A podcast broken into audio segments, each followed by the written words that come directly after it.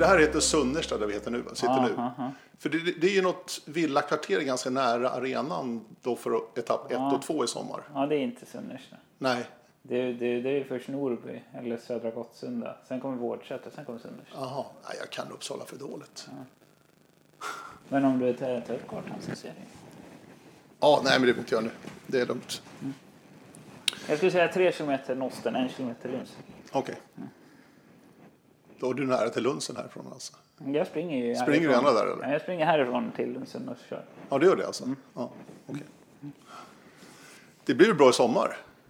Det blev jättebra. Jag Ja. har hyrt ut mitt hus dock. Jag tänkte just fråga det. Har du gjort det alltså? Ja, jag har det. Nej. Jo. Ja. Jag har ingen anledning. Jag är själv den veckan, jag har inte barnen och så. Så det finns ingen, ja. Jag bjuder på det. Okej. Är det klart redan? Uthyrt Någon och klart? japan som ska ha det. Nej, är Jag det har så? ingen aning vem så. Spännande alltså. Perfekt, då blir det verkligen en, en, en sån ännu tydligare del av O-ringen-veckan också. Ja, verkligen. Ja. Du,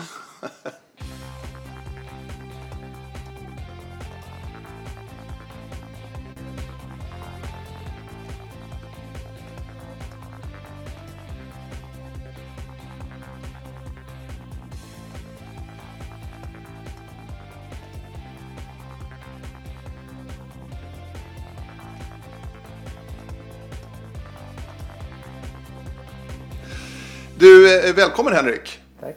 Vi brukar köra sån här liten årlig avstämning. Jag tycker det brukar vara ganska bra. Prata med han som bestämmer liksom. När det gäller O-ringen. Eh, jag fick en metafor i huvudet. När Okej. jag satt nu och åkte hit till, till dig. Eh, O-ringen är ju ändå svensk orienterings, kanske orientering i världens flaggskepp någonstans. Så på tal om det så ser jag dig mer som en befälhavare ute på haven då med det här skeppet O-ringen. Hur, hur, hur flyter det på liksom? Är det en stilla kav vind hela tiden? Eller är det så som vädret är också? Även för dig då, O-ringen, om du ser den metaforen. Eh, nej men eh, eh det, det har ju ändrats väldigt mycket. Det är ju min stora känsla på det. Men alltså, 14 var ju inte alls någon trygg färd någonstans. Utan det var stökigt på många sätt. Och det har ingenting just med året 14 att göra. Eller någon, utan vi höll på att ställa om. Ja, det var ju början av Ja, hela början allt. Den nya ja. tiden liksom. ja. Och vi, det är ju inte att ett bolag i sig som är det stora utan hur man faktiskt svänger bolaget och vad man gör av bolaget. För bolaget ger ju bara verktygen att göra saker på ett annat sätt. Och de, det är ju hur du sen väljer att göra det som tog tid att ställa om. Och nu har vi gjort det. Och nu ser vi också att den teorin vi hade som idé eller tanke också har gett resultat. Så det är en väldigt kul ställe, alltså situation att vara i. Och nu är det ju lite av en atlantångare eller vad du vill kalla det som tuffar på. Det är väldigt lite som liksom ligger i vägen. Alltså man kan ju alltid montera ner och förstöra vad som helst men om vi fortsätter som vi har gjort nu de här fem åren så kommer det fortsätta skörda framgångar. Det vi har, eh, jag törs stå på scen och säga då att när jag möter mm, klubbar, föreningar, orienterare att O-ringen idag upplevs säkrare och bättre generellt sett än förut. En högre lägstanivå, det stabila leveranssaker fungerar bättre och det känner man. Och det är också min känsla av det vi har lyckats åstadkomma. Då. Du, hur mycket har det betytt för ert jobb, de fasta organisationen, den fina veckan i Kolmården och de fina siffrorna också, både deltagarmässigt och ekonomiskt? Ja, det är ju det är lite olika mått där med deltagare och starter. Det är de två som kommer in först. Då. Eh, Det är eh, en större stad som Norrköping, också Uppsala som det kommer vara i år, men även kanske Borås som hade nära till Göteborg och Jönköping. De får fler deltagare i förhållande till antalet starter. Så Norrköping var ju eh, inte jättemycket fler starter än till exempel Örnsköldsvik, men många fler deltagare. Jättekul att kunna uppvisa 21 220 deltagare tror jag det var. Eh, 82 000 starter. Jämför det med Övik som hade en 17 000 deltagare men 78 000 starter eller 79 000 starter så är det inte så stor skillnad, skillnad i antal starter. Eh, så att, eh, men det är jättekul att det är många som kommer för det är ändå en individ till som har kommit. En individ som har besökt arenan och gett sig ut i skogen. Och det är också ett väldigt viktigt mått. Det var faktiskt 4 000 fler i år. Men vad betyder det för dig och för er som jobbar med det här året runt? Att få de här, det här kvittot liksom att, ja men det här var ju bra. Ja, framförallt så eh, tittar jag lite över flera år och flera perspektiv, alltså perspektiven hur det går över tid. Eh, att ett år har ju sina unika förutsättningar bara i, i starter och sammanhang och möjligheter och potential. Och, eh, Uppsala går inte att jämföra med Brås eller Åre eh, för den delen. Det är olika projekt som har olika förutsättningar, både ekonomiskt och deltagarattraktivhetsmässigt. Så. Och eh, jag tycker att vi gjorde det väldigt bra i Norrköping och gjorde det på ett alldeles ypperligt sätt utifrån de förutsättningarna. Så. Men det här kan ni se redan innan att det är olika projekt, alltså det är olika förutsättningar. Ja. Vart ni lägger eller vilka som får arrangemanget. Ja, vi, ja, i början var det svårt innan vi helt hade förstått alla mm. parametrar kring deltagarsiffrorna. Eh, jag hade själv svårt att sätta dem i början, men nu har vi ju knäckt koden. Eh, så nu tycker inte jag att det är särskilt svårt att förutse hur många det kommer, faktiskt kommer bli i Uppsala. Eh, I synnerhet efter första användningsstoppet. Då är det relativt säkert känt. Mm. Första stoppet kan ju alltid pendla lite grann. Eh, det som är kul och den stora förändringen vi har sett är att det är väldigt många fler idag som anmäler sig tidigt vid första stoppet än senare. Och det tolkar jag som att vi har fler trogna deltagare idag än förut. Så det är inte en ekonomisk fråga egentligen? Ja, naturligtvis så sätter det sig mer och mer att första november är billigare och att det är smart att anmäla sig och så. Men jag tror att det har det ju varit lång, lång tid även före vår era, eller de här åren. Så det, det fanns ju även åren före det. Så att jag tror det mer handlar om att det är fler personer idag som är säkra på att de ska åka och därmed anmäler sig. Mm.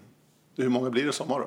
Du som har koll på siffrorna. ja, egentligen. Det, nu får jag ju liksom bekänna färg att jag inte har läst på. Men vi, vi har budgeterat 80 000 starter. Okej, okay, och det var 81 någonting va, i somras? Ja, 82 kanske. 82 ja, ja vi säger 82 000 då. Mm, mm, eh, där sticker ju faktiskt de, de år du har varit med här då. Det är ju Kristianstad 14. Sticker ut. Då var det över 90 000 starter. Ja, jag tror, jag får erkänna mig lite svag på att komma ihåg de här nu, men 92, 91, 92 000. Någonstans där. Ja, mm. och, men större var ju även Sälen eh, med 98 000. Ja, just det. Jo, mm.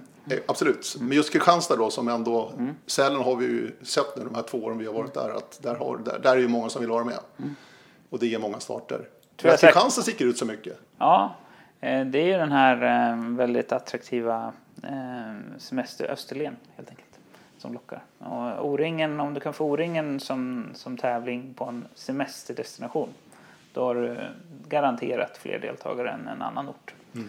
Eh, jag vill inte hänga ut någon dålig semesterdestinationsort men eh, ta något kallt och mörkt ställe så kommer det inte locka på samma sätt som ett ljust och eh, varmt ställe gör. Så på något sätt. I hur folk upplever det.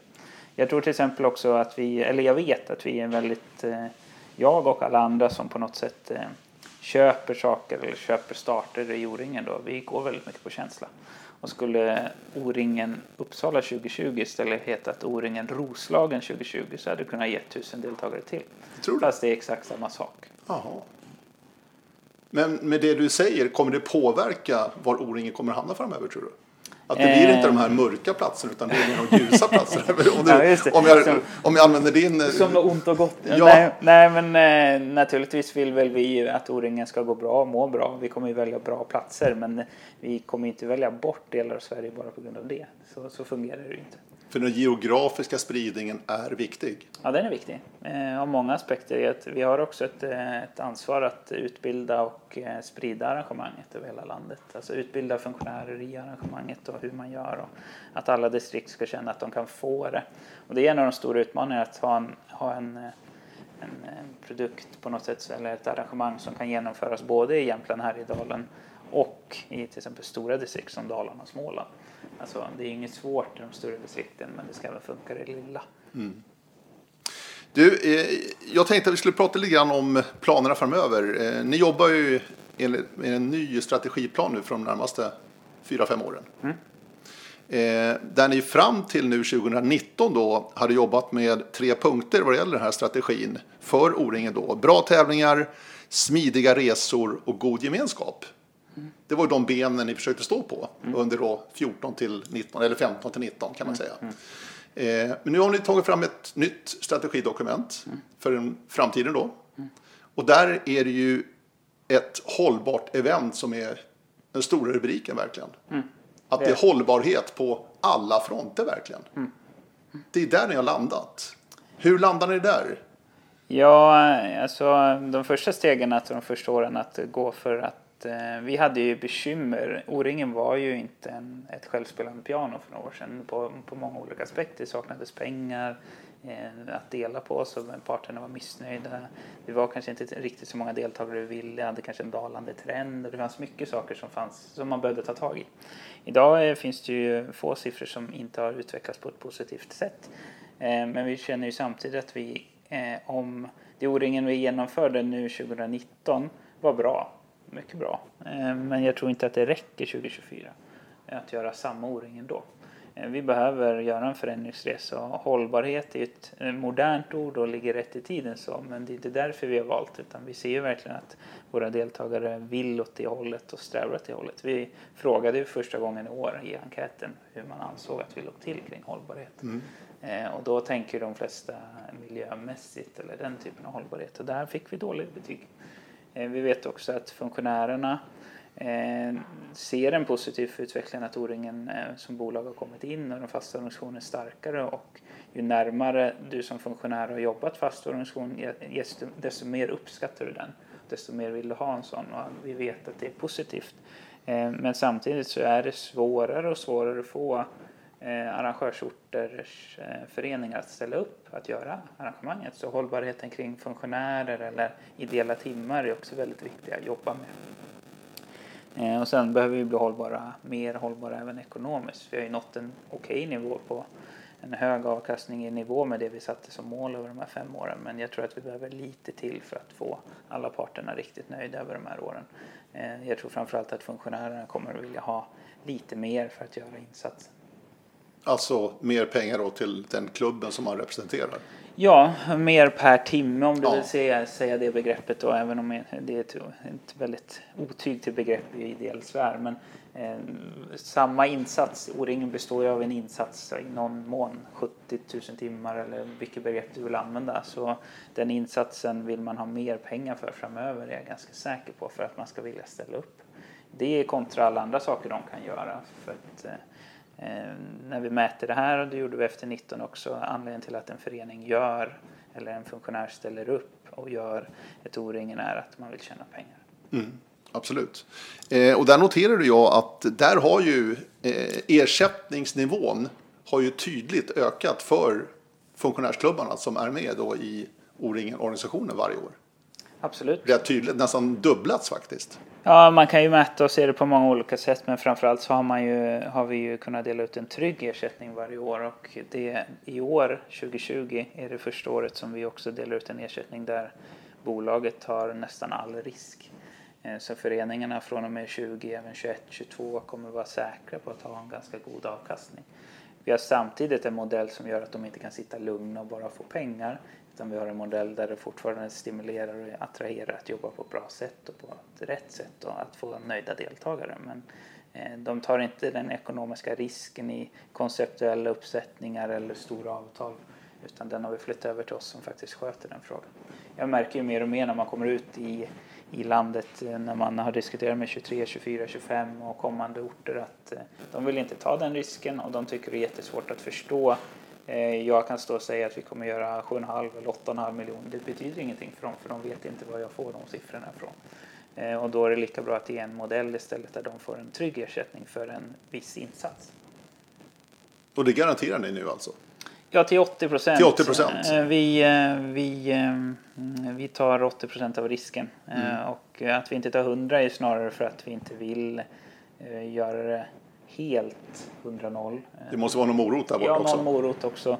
Och sen så finns det en ganska stor rörlig del i ersättning till föreningen utifrån hur nöjda deltagarna blir. Mm. Och det, det, har vi pratat om tidigare Henrik, när vi har träffats det här årliga avstämningen lite grann, att eh, ni, ni, mäter ju väldigt, väldigt noggrant och kanske mer noggrant för varje år som går egentligen. För att ta reda på, och framförallt deltagarnöjdheten då är ju väldigt viktig för er, alltså kunderna egentligen.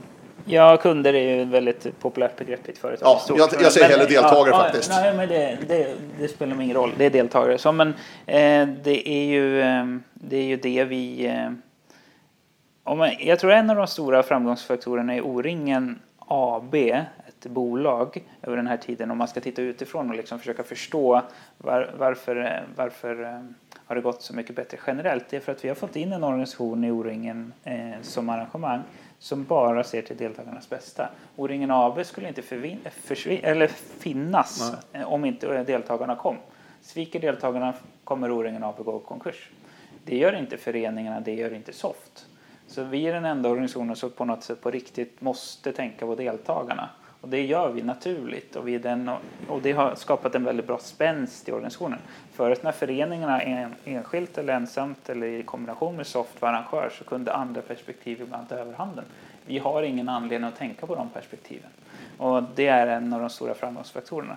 Därför mäter och hör vi efter vad deltagarna tycker otroligt mycket det är det enda som på något sätt spelar roll när vi tittar framåt och försöker utveckla och göra det här bättre. Vad kan vi göra för att fler deltagare ska bli mer nöjda? Mm. Du, eh, eh, eh, om vi konkretiserar lite grann, ge något bra exempel på där ni har fått in en svaren och feedback då från de här undersökningarna och där ni verkligen har satt till resurser och åtgärder för att liksom lösa det här eller förbättra det här. Kan du ge något sånt bra exempel de senaste åren här bara? Vi har jobbat med en jättestor fråga som är jättesvår. Det är ju el på campingen till exempel. Där får vi in mycket feedback och idéer och tankar och vi har eh, prövat och vi prövar olika varje år och vi, vi gör väldigt mycket mer än vad en deltagare hinner uppleva också under ett år innan vi på något sätt liksom landar en lösning. Ehm, men eh, där känner jag nu att ju mer vi lyssnar, ju mer vi förstår vad behovet är, vad är det faktiskt man vill ha, vad är det som är viktigt, så kommer vi nu över en tid av ett till två, tre år framåt att kunna sätta någonting som deltagarna faktiskt blir nöjda med. Eh, för att det är lätt att sitta och tänka att alla vill ha 220 volt på sin plats, men det kanske inte är det som är behovet. Man kanske vill ladda en telefon eller mm. sådana saker. Att verkligen jobba med de frågorna och verkligen förstå vad deltagaren vill ha, det är det som är är viktigt i de här typerna av insatser. Mm. Och, och, verkligen inte heller lyssna för mycket på enskilda individer eller eh, föreningsmöten som kan vara tippa åt olika håll i både kön och ålder utan man ska försöka lyssna på just deltagarskaran. Funktionärsskaran har oftast ett annat perspektiv om varför eller på vilket sätt saker ska göras. Sen finns det ett otal exempel på liksom små förändringar och stora förändringar men jag tycker att det, det, större perspektivet kanske är viktigare där att det är just deltagarna vi försöker förstå och lyssna på hela tiden från vårt håll snarare än att maximera det enskilda årets utfall eller ha några andra perspektiv på varför saker ska gå till på ett visst sätt på den orten. Mm. Som en kommun kan ha eller en förening kan ha. Medan vi då hela tiden försöker titta på vad kommer deltagarna tycka blir bäst. Eh, och det är ju det som då skapar bättre arrangemang år för år. Mm. Vi lär oss mer och mer. Precis. Du, jag är lite nyfiken på det här frågeformuläret eller enkäten, vad du ska kalla det för. Skickas den ut till ett slumpmässigt urval av deltag deltagarna eller hur fungerar det där? Jag har ingen aning. Eh, ja, vi, eh, vi slumpar. Det är som Svensktoppen liksom. nej, nej, nej. Alltså, vi får in eh, alla som bokar anger en e-mailadress. Ja. Så det är, både, det är grunden till den stora enkäten, eller de större enkäterna som skickar ut efter varje år. Ja, det är flera år. olika? Ja, vi skickar ut flera olika ja. efter arrangemanget till de som har bokat, men inte alla utan slumpvis utvald mängd. Du måste dock vara över 18 år. Eh, så brister eller inte så. Och sen så ser vi då, det är en övervikt av de som bokar är ju män i 40-årsåldern. Så det får vi ta hänsyn till lite när vi tänker kring de här sakerna. Vi filtrerar ibland på olika grupper och ser vad de faktiskt tycker. Så det finns ju alltid problem med statistik. Mm. Eh, men sen har vi andra enkäter under året som vi också gör och specifika enkäter kring olika saker och då använder vi våra adressregister och skickar ut och frågar vad man tycker om bussning eller vad tänker du bo någonstans och hur ska vi då lägga upp bussning för att få bussningen att fungera så, bäst, så bra som möjligt och alla möjliga perspektiv för att få det bra. Hur är svarsfrekvensen? Är den bra eller? På den stora enkäten är den 40-45 procent. Okay. Mm. Det räcker gott. Mm. Eh, på mindre enkäter som vi nischade som till exempel kan handla om utveckling av stämplingsprogramvaror eller någonting då får vi otroligt höga ja. svarsfrekvenser. Mm. Får även höga svarsfrekvenser när vi drar ut eh, utdrag. Nu har det blivit lite svårare med GDPR men förut kunde vi jobba lite mer aktivt. Så um, kunde vi dra ut de som då var på O-ringen förr men inte har kommit de senaste tre åren. Varför då? Vad tycker de? Och vi får väldigt hög svarsfrekvens hur vi än gör. Så intresset att bidra till utvecklingen av O-ringen är hög. Du, eh, tillbaka till det här hållbara eventet då framöver. Mm. Eh, det är tre ben där. Det är social hållbarhet, ekologisk hållbarhet och ekonomisk hållbarhet. Det är de tre benen liksom. Mm. Eh, jag ser en liten motsatsförhållande här lite grann också. För att om det ska vara hållbart så kanske inte O-ringen kan bli hur stort som helst heller. Mm. Det där är ju en, en, en balansgång verkligen. Mm. För att ju större det blir, ju svårare, tror jag i alla fall, att göra det hållbart. Ja, alltså om man tar den frågan först. Eh, de där begreppen i sig är ju också en balans. Ja. ja. Men sen eh, om du tar den stora frågan och den har vi diskuterat. Eh, det mest hållbara är att inte göra o-ring. Ja. Alltså, du, ja, precis. Ja, där landar ja, man kanske. Ja, men om du mm. hårdrar det. Ja. Ehm, och, men det är ju inte ett alternativ på något sätt. Men vi har då liksom provocerat när vi har jobbat med den frågan. Innebär det att det alltid ska gå i Stockholm då? För det blir mer hållbart. Folk reser mindre. Mm. Färre reser mindre. Mm. Eller, ja. Mm. Ehm, men eh, vi har ju då hittat några grundkriterier för vad O-ringen är. Att det ska vara fem dagar, det ska spridas i landet, det ska vara vecka 30. Och när du landar på de här... För alla. Ja, för alla. Dessutom ideellt engagemang. Ja, står med där också. Ja. Och världens största. Världens största, också viktigt ur många perspektiv. Inte bara för deltagare men också för funktionärer och andra. Att det, det är ett stor, stor händelse. Så. Och när du väger in de parametrarna och försöker ska få till ett O-ringen, det är utifrån det perspektivet vi ska göra det så hållbart som möjligt.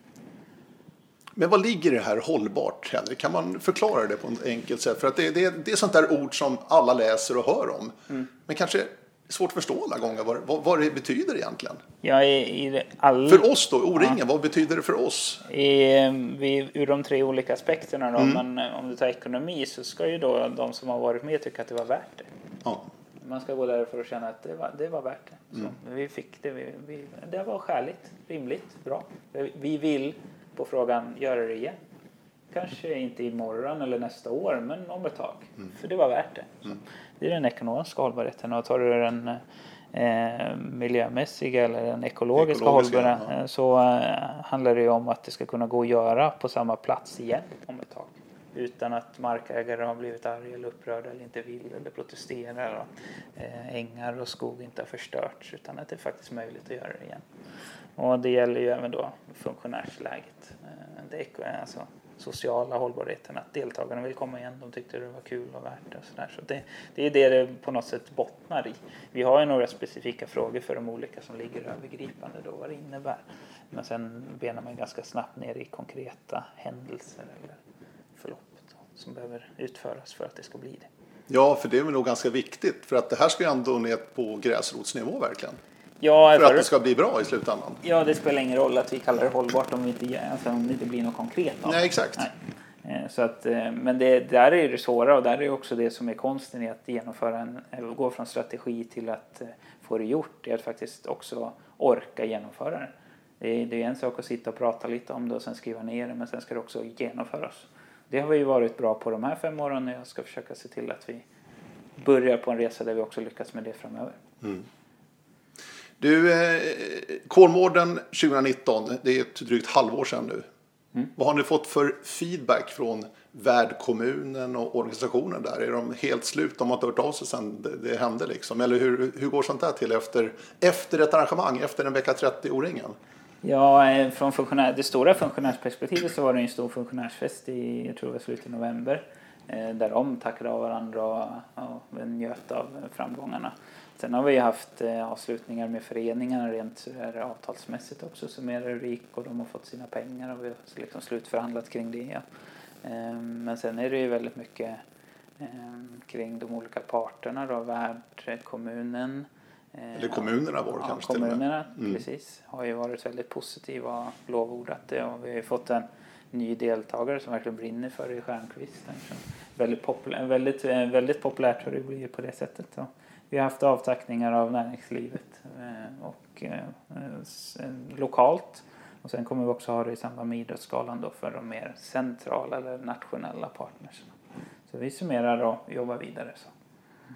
Men värdkommunerna, gör de någon jobb framöver också? Jag menar nu, nu är det Uppsala här i år, till exempel Uppsala kommun då, som värdkommun. Mm.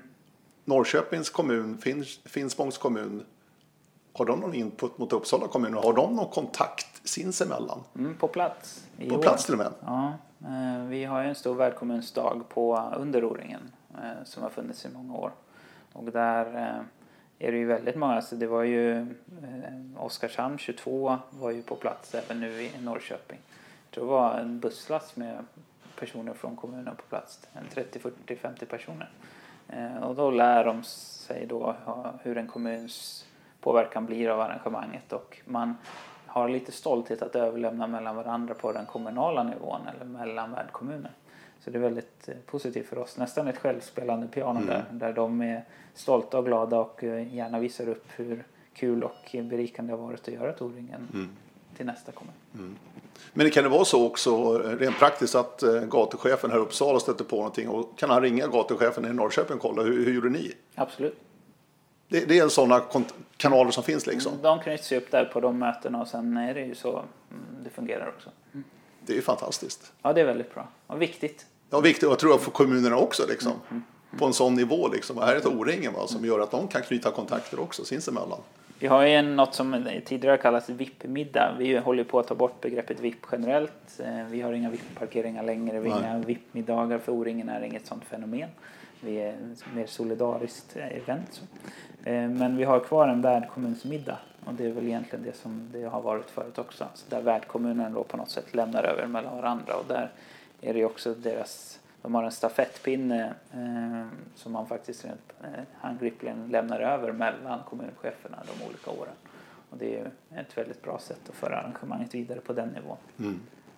Vad kommer det innebära tror du för arrangemanget i sommar Uppsala 2020 att den fasta organisationen också sitter här i stan? Alltså kontoret är här verkligen. Ni, är en, ni kanske blir en, en tydligare del om man säger så, då, av själva arrangemanget. Ja, vi kommer ju närmare den lokala organisationen rent fysiskt och geografiskt så vi kan ha fler möten och möta dem mer och det är också, eh, också någonting som vi tycker är väldigt viktigt. Och om man tittar lite hur det faktiskt gick 19 och hur vi eh, utvärderar oss där. För första gången så mätte vi hur eh, funktionärer på olika nivåer tyckte och upplevde fast organisationsinsats. Och då såg vi att de på den översta nivån eller ledningsgruppen lokalt tyckte att fast organisation var väldigt bidragande och väldigt positivt inslag i arrangemanget, tog ett stort ansvar för koordinering och utveckling och att man ansåg att fast organisation skulle utökas och bli ännu större. Eh, Hoppade ner ett, bara ett steg, alltså ner på nivå två, de direkt under ledningsgruppen, då sjönk det intresset ganska stort i vad vi bidrar med, mm. vad vi är till för och vad man tycker. Hoppar det ner en nivå till så tyckte man snarare att det borde bantas och kanske inte behövdes. Och där ser man ganska tydligt hur, dels är vi en stor organisation i O-ringen, vi är 1500 man, så det är ganska svårt att nå ut. Men jag tror att vi behöver jobba mer på att vara synliga, synas och vara mer aktiva i flera led och i över större sammanhang har kanske i för hög grad försökt ratta eller styra arrangemanget via lokalledningsgrupp. I Uppsala kommer det bli naturligt för oss att vara mer synliga. Det är också fler som vet vilka vi är rent allmänt. Ja, precis. Vi är kända. Exakt. Eh, och det kommer ju naturligtvis underlätta väldigt mycket. Mm. Eh, fasta organisationen, kontoret, huvudkontoret då, O-ringen AB här i Uppsala. Har ni hittat den rätta kostymen nu vad det gäller antalet medarbetare och, och, positioner och vad man gör, arbetsuppgifter och annat. Mm, vi förlorade en i Britt Inger nu som gick i pension. Och vi gick från sju till sex personer. Och de, eh, vi har ju ändrat profil lite på de personerna. Det var ju fem personer när jag kom in, 14 i en fast organisation, fast då som en avdelning på Soft. Och nu är vi sex, men profilen är eh, lite annorlunda. Och jag ser ingen anledning till att justera eller ändra på det idag vi har en väldigt bra balans så vi klarar av att spänna ut och ta ansvar för hela arrangemanget på ett mm. bra sätt. Mm. Eh, en ny arrangör, jag tänkte titta framåt lite, lite grann också Henrik. Mm. En ny arrangör presenterades ju under slutet av förra året, 2019. En pärla sa du. Ja. I Jönköping 2023. Ja. ja. Absolut. Vad, vad, vad, lägger du i det begreppet? Pärla? Ja, ja, det är ett väldigt fint ord. Jag tycker att det finns mycket som talar för att det kommer bli väldigt, väldigt bra. Jag tänker framförallt utifrån eh, de här, jag vet ju väldigt väl någon slags inboende känsla av vad, vad den orienterare vill ha eller vad en deltagare vill ha. Och det kommer man verkligen få där. Ehm, man vill ju ha en praktisk smidig lösning på saker och ting. Man vill ha en trevlig semestervecka, man vill ha bra terräng, man vill ha korta avstånd. Eh, campingen på Elmia utifrån, ut mot eh, vattnet här. Eh, närheten till de enormt fina arenorna och skogen verkar ju potentiellt, jag har inte provsprungit än, men potentiellt väldigt fin. Och eh, all liksom, engagemang som finns i de stora klubbarna. Ja, jag tror att eh, Jönköping har alla möjligheter att sticka ut som en pärla. Det är klassiska orienteringsmarker och klassiska klubbar också i Jönköping, Husqvarna verkligen. Absolut. Så att det borgar väl också för en eh, viss kvalitet skulle jag vilja säga. Mm -hmm. Det är tufft dock.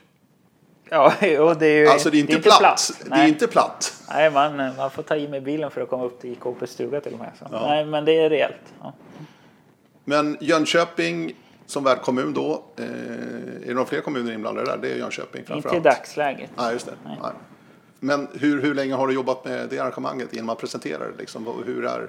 Det var, det, 23 har ju varit lite som, som år, lite stökigt. För vi var egentligen inne på Sundsvall. Sundsvall ja. Vi lägger treårsplaner så vi, nu har jag jobbat med 23, 24, 25. Tar tre stöten och sen så när två är utsedda så börjar jag titta på en ny treårsperiod. Så där har jobbat. Och, eh, 23 var egentligen tilltänkt Sundsvall men där så gick det inte lås av olika skäl. Det är egentligen första gången vi misslyckas med det. Mm. Eh, och då fick jag byta. Eftersom vi inte har en kandidatur idag där folk eller arrangörsorter eller föreningar söker utan vi är ute och jobbar aktivt med dem. Vi radar upp de som har en, en vilja och en potential och bra koncept och sådär. På vissa årtal så blir det ju så att vi eh, inte egentligen har någon reserv om det skulle brista. Eh, sen kan vi alltid flytta 24 eller 25 och jobba lite så. Någon tanke har vi om någonting skulle gå fel. Men vi är snarare så att vi eh, ser ut att gå bra så fortsätter vi jobba med den orten. Men eh, av olika skäl så brast 23 snabbt och vi fick hoppa över till alltså Sundsvall då, för 23 och fick hoppa över till Enköping. Och då blev det lite intensivare och lite snabbare jobb än vanligt och det blev också lite speciellt när det var Småland två år i rad. Mm. Eh, och eh, var samma klubbar var lite aktuella för att vara med båda åren och kanske rent av nu har tagit ställning till att vara på det ena eller andra året. Eh, så det var speciellt. Men det var Elmia som lockade väldigt mycket från vårt perspektiv. Vi tog kontakt med Jönköping. Det var ingen destination och det var ingen klubb heller utan vi sökte upp klubban och destinationen och har tagit det därifrån. Börjar ni med klubbar då eller går man på kommunen först? Eller hur, hur? Ehm, I det här fallet mejlade jag båda bara. Aha. Och sen så åkte jag ner och träffade båda. Så det var, jag försöker hålla processen helt öppen och transparent mellan de här tre parterna. Kommun, vi själva och föreningarna. Ehm, sen är det lite olika saker som jag behöver genomföra och liksom få till på de olika mötena då. Så att ibland så blir jag eh, tillsammans med några från fattigdomsskolan ensam med kommunen och ibland blir vi ensamma med föreningen. Men vi försöker hålla ihop det så. Eh, men eh, det krävs en hel del möten och det krävs en hel del eh, diskussioner kring både det ena och det andra. Framförallt ska ju förståelsen upp hos föreningarna vad det idag innebär. Vad får man? Vad, vad är, det, är det här värt det för oss? Vill vi det här? Skapa engagemanget och på kort tid är det svårt att skapa ideellt engagemang. Det är inte så det funkar. Eh, och kommunen är samma sak. Vad, vad innebär det här? Vad krävs det av oss? De kan vara allt från lite nervösa och rädda till väldigt positiva och sådär. Så det handlar om att sätta förväntningar och landa i någonting som alla vill. Mm. Skapa en positiv stämning. Men det blir nog första gången nu i O-Rings historia som det är ett och samma landskap två år på raken. Ja. Jag eh, tänker efter här när jag sitter mm. här nu, men jag tror att det är så. Jag, jag har ju svårt, det skulle vara Dalarna möjligtvis. Nej, inte två på raken. Nej, men alltså de har gjort det fem gånger tror jag. Ja, ja. Eller, och Småland kommer ha gjort det sex efter det här. Mm. Eh, men två på raken, nej, det har du nog rätt i. Men du, det är inte helt optimalt i, i, din värld egentligen? Ja, nej, men jag tycker faktiskt inte att det är ett bekymmer överhuvudtaget. Egentligen. Eh, men det, det, ställer till det lite grann i hur liksom, man kan uppleva det. Småland som distrikt eller Smålands orienteringsförbund kanske tycker så. Men eh, det är ju inte så för föreningarna för att vi har ingen förening nu som kommer att överlappa. Utan det är ett visst antal föreningar 22, det är ett visst antal föreningar 23. Därmed är det löst och det är tillräckligt antal föreningar. Och från ett deltagarperspektiv så eh, jag kan egentligen bara... Men vår känsla när vi har diskuterat det så är att Oskarshamn eller Smålandskusten, Jönköping, det är helt olika saker. Ja, det är det verkligen. Det kan jag verkligen hålla med om. Man har ingen känsla av att man åker till samma ställe Nej. två gånger. Sen kommer ju förmodligen Göteborg 24 och då, då blir det lite mittenbälte där, men det tror jag inte heller man upplever som samma. Eh, det är nog mer eh, lokala perspektiv på det än någon, någon utomståendes perspektiv. Så. Då är du inne på 24 också. Då är det Göteborg fortfarande huvudspåret. Ja, det är det. Och det kommer att landa här under året. Tror och hoppas du eller vill du? Ja, de ligger ju lite mer i den, den tidsfasen som vi kanske ska, rent av lite före. Så nu möts ett år där vi låg lite efter och ett år där vi ligger lite före. Så det kommer nog relativt fort bli klart med Göteborg. Eh, och sen, men sen har ju vi, givet hur vi har stuvat om projekten och hamnat i en annan takt idag med en, en starkare fast organisation och mer planeringsstruktur så har vi egentligen inget behov att dra igång projekten så här tidigt.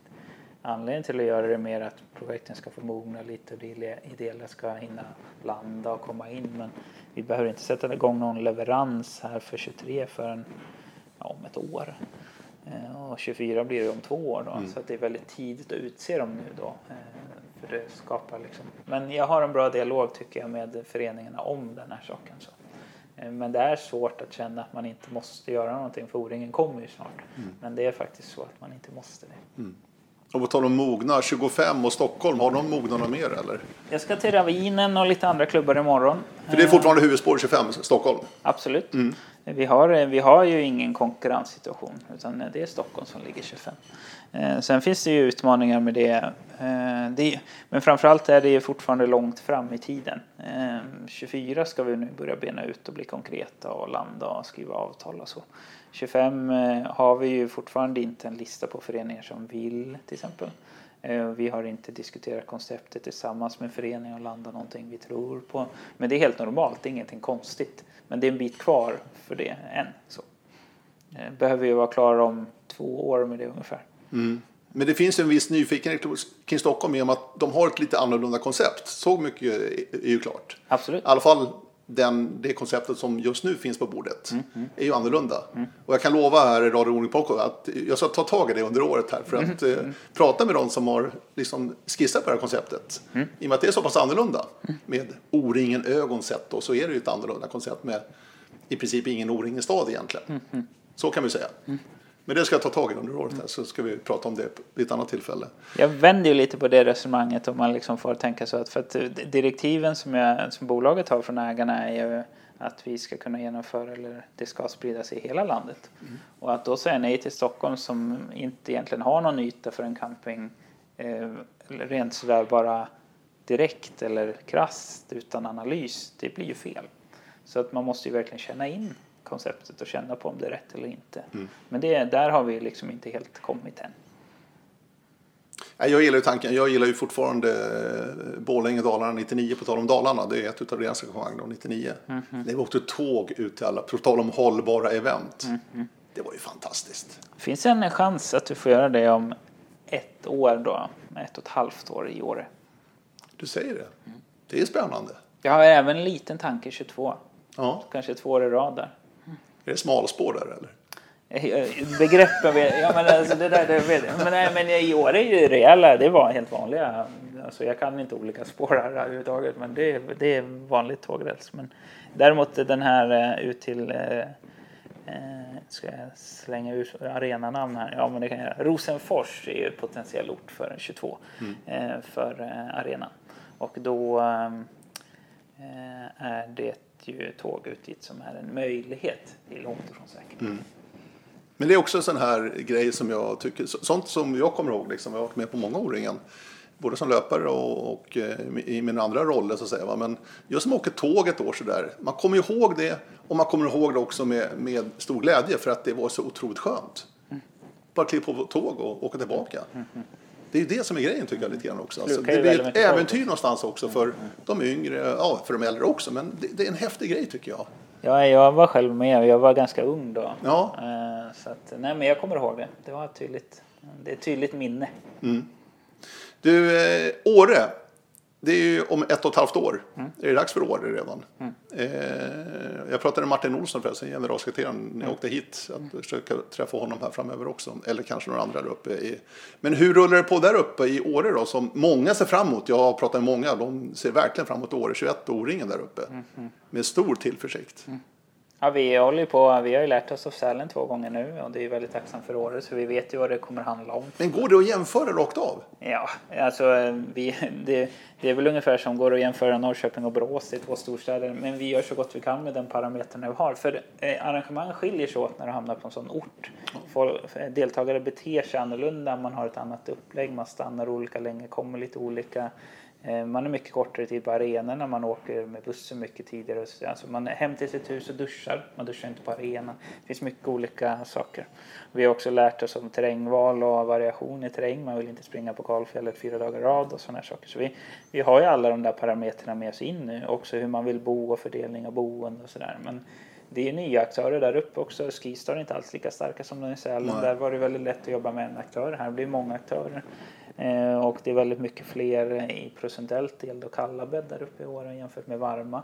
Det är nästan en tredjedel kalla eh, som vi inte alls har kontroll över. Och så att det finns många utmaningar med projektet men det finns enorma möjligheter. Det är ju enormt fint. Jag tror att eh, eh arenan som vi kommer att ha i Trillevallen kommer nog klassas som en av de vackraste i, i, historien.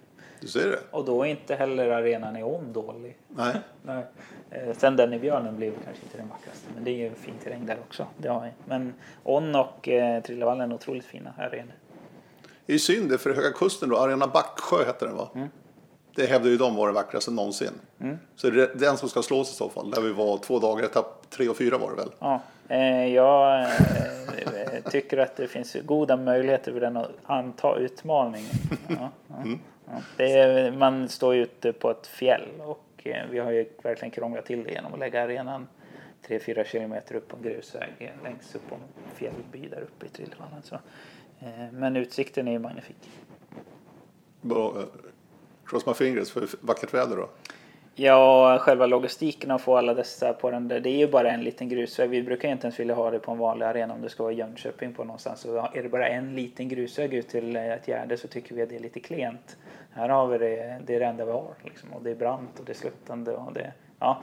Men eh, vi kommer lösa det också. Mm. Annars då, vad, vad, vad, vad, är det för någonting som tar tid och måste jobbas med i Åre speciellt om du jämför med andra arrangemang? Ja, det är, vi har ju anställt en extra person där uppe i, för boendesituationen. Och sen är logistiklösningen otroligt mycket mer komplex. Det, är ju, det går inte att jämföra. Eh, tar Uppsalas logistik kring både boenden och resor så är det ju liksom inte ens nämnvärt jämfört med Åre. Vad, vad, tänker du på? Är det bussar till exempel? Ja, antal bussar här. Jag kan inte siffrorna rakt upp och ner. Sofia är det som kan det idag. Men eh, säg att här kanske vi kommer behöva 30 bussar som mest. Eller kanske 40 om det krisar lite. Vissa etapper har vi nästan inga bussar alls som rullar för det är så korta avstånd. Det krävs ju eh, bara så många bussar som det krävs i en slinga innan den kommer tillbaka. Så att säga. Och sen behövs det bara en slinga här eller möjligtvis två från satellitparkering. Ganska enkel logistik. Väldigt många kommer flytta sig själva. Det kommer vara väldigt förutsägbara mönster hur, hur saker kommer gå till. En storstad som har kapaciteten att flytta mycket folk till. Jag vet inte hur många tiotusentals det redan idag rör sig mm. längs de här gatorna och stråken. Så att eh, utbyggda cykelvägar och strukturer mm. och det är lätt för oss att hantera. Kommer upp till Åre så finns ingenting av det där. Eh, och eh, folk kommer bo väldigt utspritt och det kommer väldigt starka flöden av, man kommer bo ganska långt bort men ändå liksom relativt nära men man kommer vilja börja ta bilen lite, det kommer bli lite bökar hur vi ska få bilar, flöden att funka för att komma till bussen. Och vi kommer inte klara oss givet att nästan allting bygger på att det går en väg till och från orten. Eh, det är en stor väg som går, E14 där och sen så har du eh, de olika orterna som ligger där och samma saker på alla andra möjliga ställen där vi ska. Det är en väg hela tiden. Det gör att vi kommer att ha många busslingor eh, och kanske busslingor som måste gå in i varandra. För att liksom, ja, I synnerhet upp till Trillevallen, där måste alla flätas samman. Vi kommer att ha fyra busslingor tror jag och alla ska på något sätt flätas samman och komma upp för den där backen och sen komma ner och möta varandra hela tiden. Vi kommer att ha kolonner upp mot tio bussar och det brukar vi normalt sett inte ha för att klara flödet. Det och boendet och hantering av fördelning av nycklar och alla möjliga, det är något helt annat än Uppsala. Så det är mm. två helt olika projekt. Mm. Och allting lutar där uppe också. Ja, verkligen. Det, det finns det, inga platta, plana, ja plana ytor är men de lutar. Den enda ytan stor nog för oss att ha camping är i sjön. Ja. Men det är ju ingen is på somrarna. Nej, det är dålig På vintern är det ju perfekt för allehanda aktiviteter. När vi spånat så har vi tänkt att vi skulle försöka nyttja sjön ändå, men det vi kommer inte på något sätt. Nej. Nej, men jag tänker bara många bussar ska parkera någonstans också. Vi har hittat, vi hittat ett ställe för det, men det är ju i Åre tror jag att vi pratar om 180 bussar. Åh herregud. jämförelse då. Och eh, om, du, eh, om du är lite logistiskt lagd och tänker lite så här utanför så ska även de då ha 180 bilar, chaufförer på något sätt ska till sina bussar. De ska parkera över natten någonstans. Eh, och 180 bussar ställa upp det i den miljön är inte det lättaste. Och sen ska de kunna ta lunchraster och gå på toa. Det är mycket logistik helt enkelt. Och så ska det vara norska vänner inkorporeras också. Ja, Det är ett antal, eh, är det fem norska klubbar? eh, precis. Sex svenska och fem norska. Ja, precis. Ja, Och, ehm, Så det är språk- spännande. Språket i sig är ju nära, men det är ju inte lätt ändå. Nej. Jag får norska mejl ibland nu och det, är en, det, Ja, det tar ja, tid att läsa. Det tar okej. verkligen tid. Men det är spännande tycker jag ändå. Ja, det är jättepositivt för orienteringen. Ja, det tror det jag också. finns bara positivt i det där. Ja, det blir spännande. Eh, Oskarshamn då, hur ser det ut där? Hur långt har de kommit? Ja, där håller vi precis på med eh, konceptet och eh, här har vi en av de här typiska frågeställningarna som då kommer. Vi, vi står nu i ett läge där föreningarna tycker och tänker en sak kring hur konceptet ska se ut och vi tycker och tänker kanske en liten annorlunda sak och så ska vi försöka enas. Eh, vi sätter deltagarperspektivet väldigt högt och föreningarna har olika bevekelsegrunder för att vilja göra på något annat sätt. Och där står vi precis nu. Alltså vi är lite, jag ska inte säga ordet försenade, men jag hade gärna varit klar med val av koncept idag. Vi vet Rosenfors, det är färdigt och vi, och sen är det, det är två etapper. Sen är det de andra tre då. Sen har vi rätt bra koll på pre och mountainbike. Men var vi faktiskt ska lägga de andra tre etapperna är vi inte helt överens om idag. Så, det är där vi står på något sätt. Jag vill inte måla upp någon konflikt eller något problem här så på det sättet. Men det är viktigt att göra det här rätt. För att jag vet ju att om man får ett bra koncept som många tror på så blir det så otroligt mycket lättare att genomföra det. Än att vi ska hålla på med någon krånglig lösning.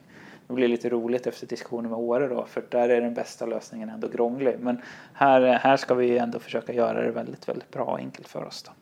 Eh, Så jag har faktiskt tagit, ut ex, tagit in neutral extern hjälp nu för att se hur vi ligger till här. Jag, ska, jag har bett en helt eh, oberoende eh, klubb helt enkelt provspringa lite och bedöma saker och få se hur det faktiskt ligger till. Så vi väljer det bästa helt enkelt. Och det är viktigt. Det är Du var inne på det här med att Det deltagarna och skogen, terrängen och det här är otroligt viktigt. Jag hoppas, eller jag har inte riktigt sytt ihop det än, men jag hoppas att den klubben kan eh, ut vara ute och provspringa när, närmaste veckan eller två och de ska provspringa då orangea banor, fyra kilometer, för det är det som de flesta deltagarna springer. Det är lätt att tänka 12 kilometer svart, men det är ju en procent och inte ens det som springer det. Eh, Jag tror att det är 8 procent av deltagarna som springer 7 kilometer eller längre svart bana. Så. 8 procent. Ja, så 92 procent springer ju liksom de här andra. Vi har en uppsätt, uppsättning sådana banor från lite olika arenaalternativ och eh, de här personerna ska då springa runt och bedöma vad som de tyckte blir den bästa O-ringen-etappen. Jag vet vad jag tycker eh, och så får vi se då var vi landar på något sätt. Spännande. När ska det här landas då? Det vet jag inte, men det är närmsta två, tre veckorna här eh, i tanken. Just det. Du, jag tänkte avsluta det här med lite siffror och lite pengar. Faktiskt. Eh, för jag läste något, spec- eh, något spännande här. Eh, eh, framöver. Att eh, det här med... Så här är det. Deltagaravgifterna står ju för 70 procent ungefär av intäkterna. Kan det stämma? Ja, två tredjedelar kanske lite lägre rent av. Ja. Jag skrev 70 procent. Okej. Eh, och ungefär, det här är väldigt rough siffrorna. Alltså, med 30 procent då partner sponsorer. Och den där 30 den här 70 procent siffran ligger ju ganska intakt. Ungefär. Det slår ju lite från år till år beroende på nu hur många vi är. Hur många starter. Däremot den här partner och sponsorsidan, de här 30 procenten. Där ligger ni idag på 14 miljoner ungefär. Intake, alltså income. Den vill ni öka den här femårsperioden då med ytterligare 4 miljoner upp till 18 miljoner. Eh, Den låg, ska vi säga på också, när AB drog igång på 8 miljoner. Ja, riktigt. Så att Du har läst på här. Ja, så ni har lyft den till 14 nu och vill ytterligare då 4 miljoner till intäkter då för att bättra på pengarna till funktionärsföreningarna och till O-ringen AB och kanske Soft också i slutändan som också är en stor del av kakan här naturligtvis varje år. Var ser du ni att ni ska hitta de här nya pengarna att öka den här intäkten så att säga på partner och sponsorsidan? Ja, det, det är ju eh, framförallt med idéburna samarbeten eh, som är eh, vägen framåt här. Det finns mycket för oss att göra som vi idag inte gör inom den området. Vi har, det betyder inte att vi har gjort någonting dåligt eller fel. Vi har ju gått från 8 till 14. Det är en bra utveckling. 6 miljoner extra. Absolut. Eh, och eh, sen så är det kanske deltagarintäkten kanske står för 60 procent. För eh, från 14 deltagare står för ungefär 24, 22-24 miljoner. De här mellan där upp till 40 som omsättningen är, är lite kioskintäkt och lite sånt. Det kan man också räkna som deltagarintäkt eller inte. Det beror på hur man ser det. Jag förstår, det här var väl ett rough liksom? Ja, men lite rough. Så. Men i- ja, idéburna samarbeten, att börja jobba med partnersponsorer på ett helt annat sätt. Att faktiskt eh, man kan dra parallellen så som vi har gjort med värdkommunen. En värdkommun generellt sett förut betalade 2-3 miljoner för att vara med i arrangemanget och då fick man skyltar i gengäld. Ja. Eh, idag betalar man 7,5 miljoner och vi trissar upp det där lite grann nu. Men det ligger relativt, eh, på en relativt bra nivå. Och idag får man ett engagemang som är helt, eh, på ett helt annat sätt. Och man tittar inte på prislappen på det sättet att man vill ha en skylt. Det är ingen som går och kollar om vi ens har satt upp de där skyltarna för det är inte det det handlar om. Och det är den typen av svängning, att inte sälja skyltar eller annonser utan att svänga, eh, sälja samarbeten och hitta idéburna samarbeten med hjälp av partnersponsorer så kommer göra att vi kommer hitta en helt annan nivå. Det finns väldigt många som vill ha saker av O-ringen som vi idag är lite dåliga på att helt enkelt både erbjuda och ta betalt för. Mm. Men idéburna, alltså vad ligger i det begreppet mera? Ja, ta Folksam, det är en väldigt bra eh, motsvarighet eh, eller ett bra sätt att visa hur man skulle kunna göra det. De har sin tvättstuga. Där har du ett samarbete som fungerar på en mycket högre och bättre nivå. De är väldigt nöjda för de får ut precis det de vill ha. De får möta kunder, stå och prata med dem, vara där eh, utan att det känns konstigt. Folk får tvätta vilket de vill ha. Där har du ett bra samarbete som fungerar på många olika, alltså många olika aspekter. Deltagare nöjda, partner nöjd, vi nöjda. Så. Och det är ju fler sådana typer av partners och samarbete vi vill ha än de som köper en folla och sätter upp en skylt. För att vi kan ta ner kostnader. Det är förmodligen barters de här pengarna kommer bestå i snarare än rena intäktsströmmar i, i cash. Så att det kommer att handla om till exempel att vi eh, tar Nobina som löser bussningen. Det kommer att vara en väldigt stor prislapp för den i år. Många miljoner. Eh, att hitta ett sätt att samarbeta med dem som på något sätt gör dem nöjda eller få exponering eller synlighet mot deltagare på ett annat sätt eller samarbeten. Eh, det är någonting som eh, kommer kunna ehm, öka möjligheterna för oss att få in den här då intäkten. Men kan du känna tydligt Henrik under de åren du varit med och sen aktiebolaget bildades då, O-ringen, att ni har blivit mer och mer attraktiva från sponsorer och partners med den här resan ni har gjort? Eh, det som händer är ju, ja det, lite så kanske också det är. Eh, men det som händer är att vi blir mycket, mycket bättre på att förstå mekanismerna bakom O-ringen och vad som vi faktiskt är och vad vi faktiskt säljer och hur man pratar om O-ringen och vad som intresserar och attraherar. Eh, och att sälja till en värdkommun idag är någonting som jag kan, liksom, det har, det, jag vet precis hur, vad en kommun vill ha och hur vi möter upp det och vad som blir intressant. Destination eller kommunchef eller sådär och få det att fungera. Och det är det här som vi behöver bli ännu lite bättre med med företag generellt också. För- lite mer hemläxan kring vad är det de faktiskt kan få. För annars är det ett arrangemang som inte är synligt i tv till exempel. Så är det. För det är också ett, ett incitament för att sälja paket då, eller sponsorer, få in sponsorer och partners så att man är synlig i tv. Men det är ju inte O-ringen.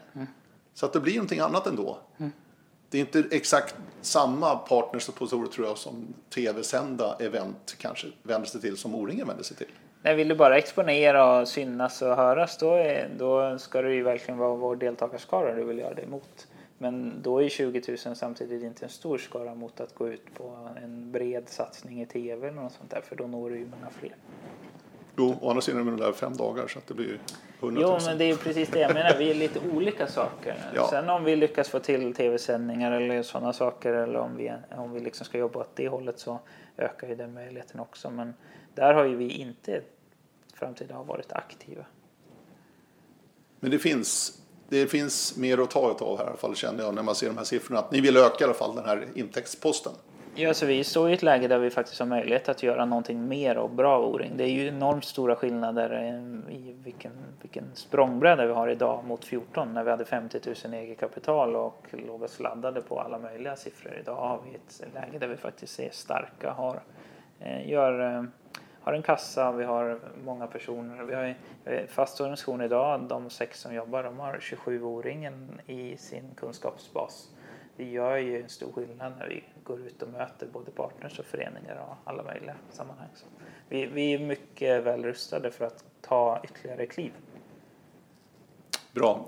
Nu ska du avsluta och säga hur många starter får vi till sommaren i Uppsala? Upprepar det du sa tidigare. Ja, så att vi kan kolla facit sen. Ja, då, då skulle jag säga att vi når 81 300. Precis under Norrköpingssiffran alltså? Mm. Okej. Okay. Det blir bra slutord. Eh, tack Henrik Boström. Tack.